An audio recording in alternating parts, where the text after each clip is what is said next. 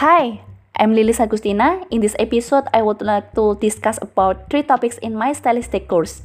The first one about a brief introduction of stylistic, second one about levels of language, and the last one about grammar and style. Without any further ado, let's get started. Did you know what is the meaning of stylistic and what are the essential elements of stylistic? Yes, stylistic is study of varieties of language whose property position that language in context. For example, the language is advertising, politics, religion, individual authors, or the language a period in time and a particular situation.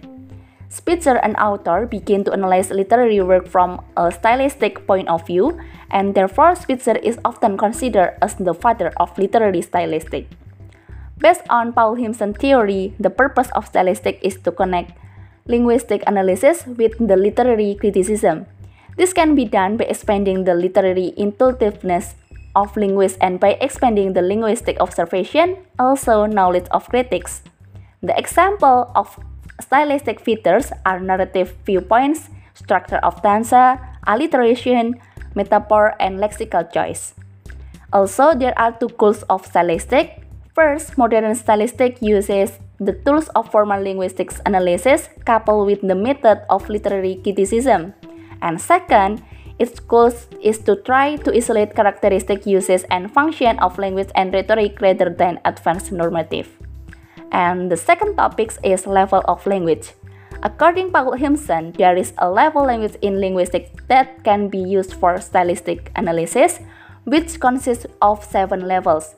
However, linguist form is generated from the component of language such as sound and part of words and consists of the representation such as phonological, morphological, synthetic, semantic, and pragmatic. The first one is phonological. This is the level of sound. Phonology is concerned with classifying the sound of language and with saying how the subject used in the particular language is utilized. For instance, what the distinction is meaning can be made on the basis of word sound. The written equivalent to the phonemic or phonological level in speech is usually called graphology. And the second one is morphology. This level of word and ending to put in simplified terms. The term morphology refers to the analysis of minimal form in language, which are used to construct words which have either a grammatical or a lexical function. And the third one is syntax. This is a a level of sentence and it is concerned with the meanings of the word in combination with each other to form the phrase or sentence. In particular, it involves differences in meaning arrived at the biting in the word. And the next one is semantic.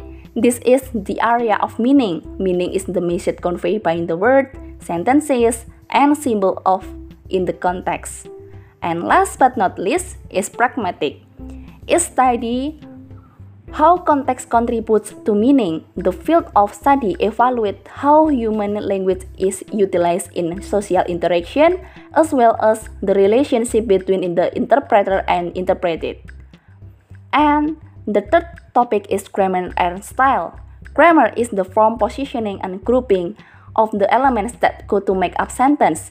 Most of English grammar is controlled by the order in which words and phrases come in the sentence and this aspect of grammar is usually called syntax. For example, I have two sentences. First sentence is girls like cats and second sentence is cats like girls. In first sentence, girls is the subject and cats is the object.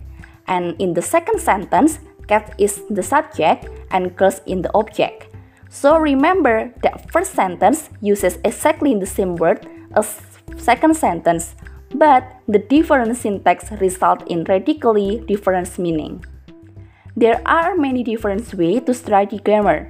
There is comparative grammar, descriptive grammar, generative grammar, and transformational grammar. Grammar is merely a guideline to help speakers and writers. When we speak to one another, we are more lax with the rules. When we are writing, sometimes it's difficult to sound conventional because the syntactic structure matters so much more. And the art good content writing is balancing the writing so that it's both conventional and grammatically correct. The way writing is presented is referred to as style. It includes word choices, sentence structures, and paragraph structures. If grammar refers to what writer does, style refers to how writer does it. Elements of the style study in literary work and the is up for discussion in any literature of writing class, such as big pictures elements and line by line elements. Big picture elements, which consist with theme, character development, point of view, dialogue, form, imagery, irony, structure, and tone. While line by line elements consist of alliteration, assonance, diction, metaphor, repetition, rhyme, rhythm, sentence variety, and syntax. Therefore, stylistic differs from simple close reading in the following ways. Close reading emphasizes difference between literary language and that of the general speech community. Stylistic, by contrast, emphasize connection between literary language and everyday language. So that's all for me. Thank you for listening.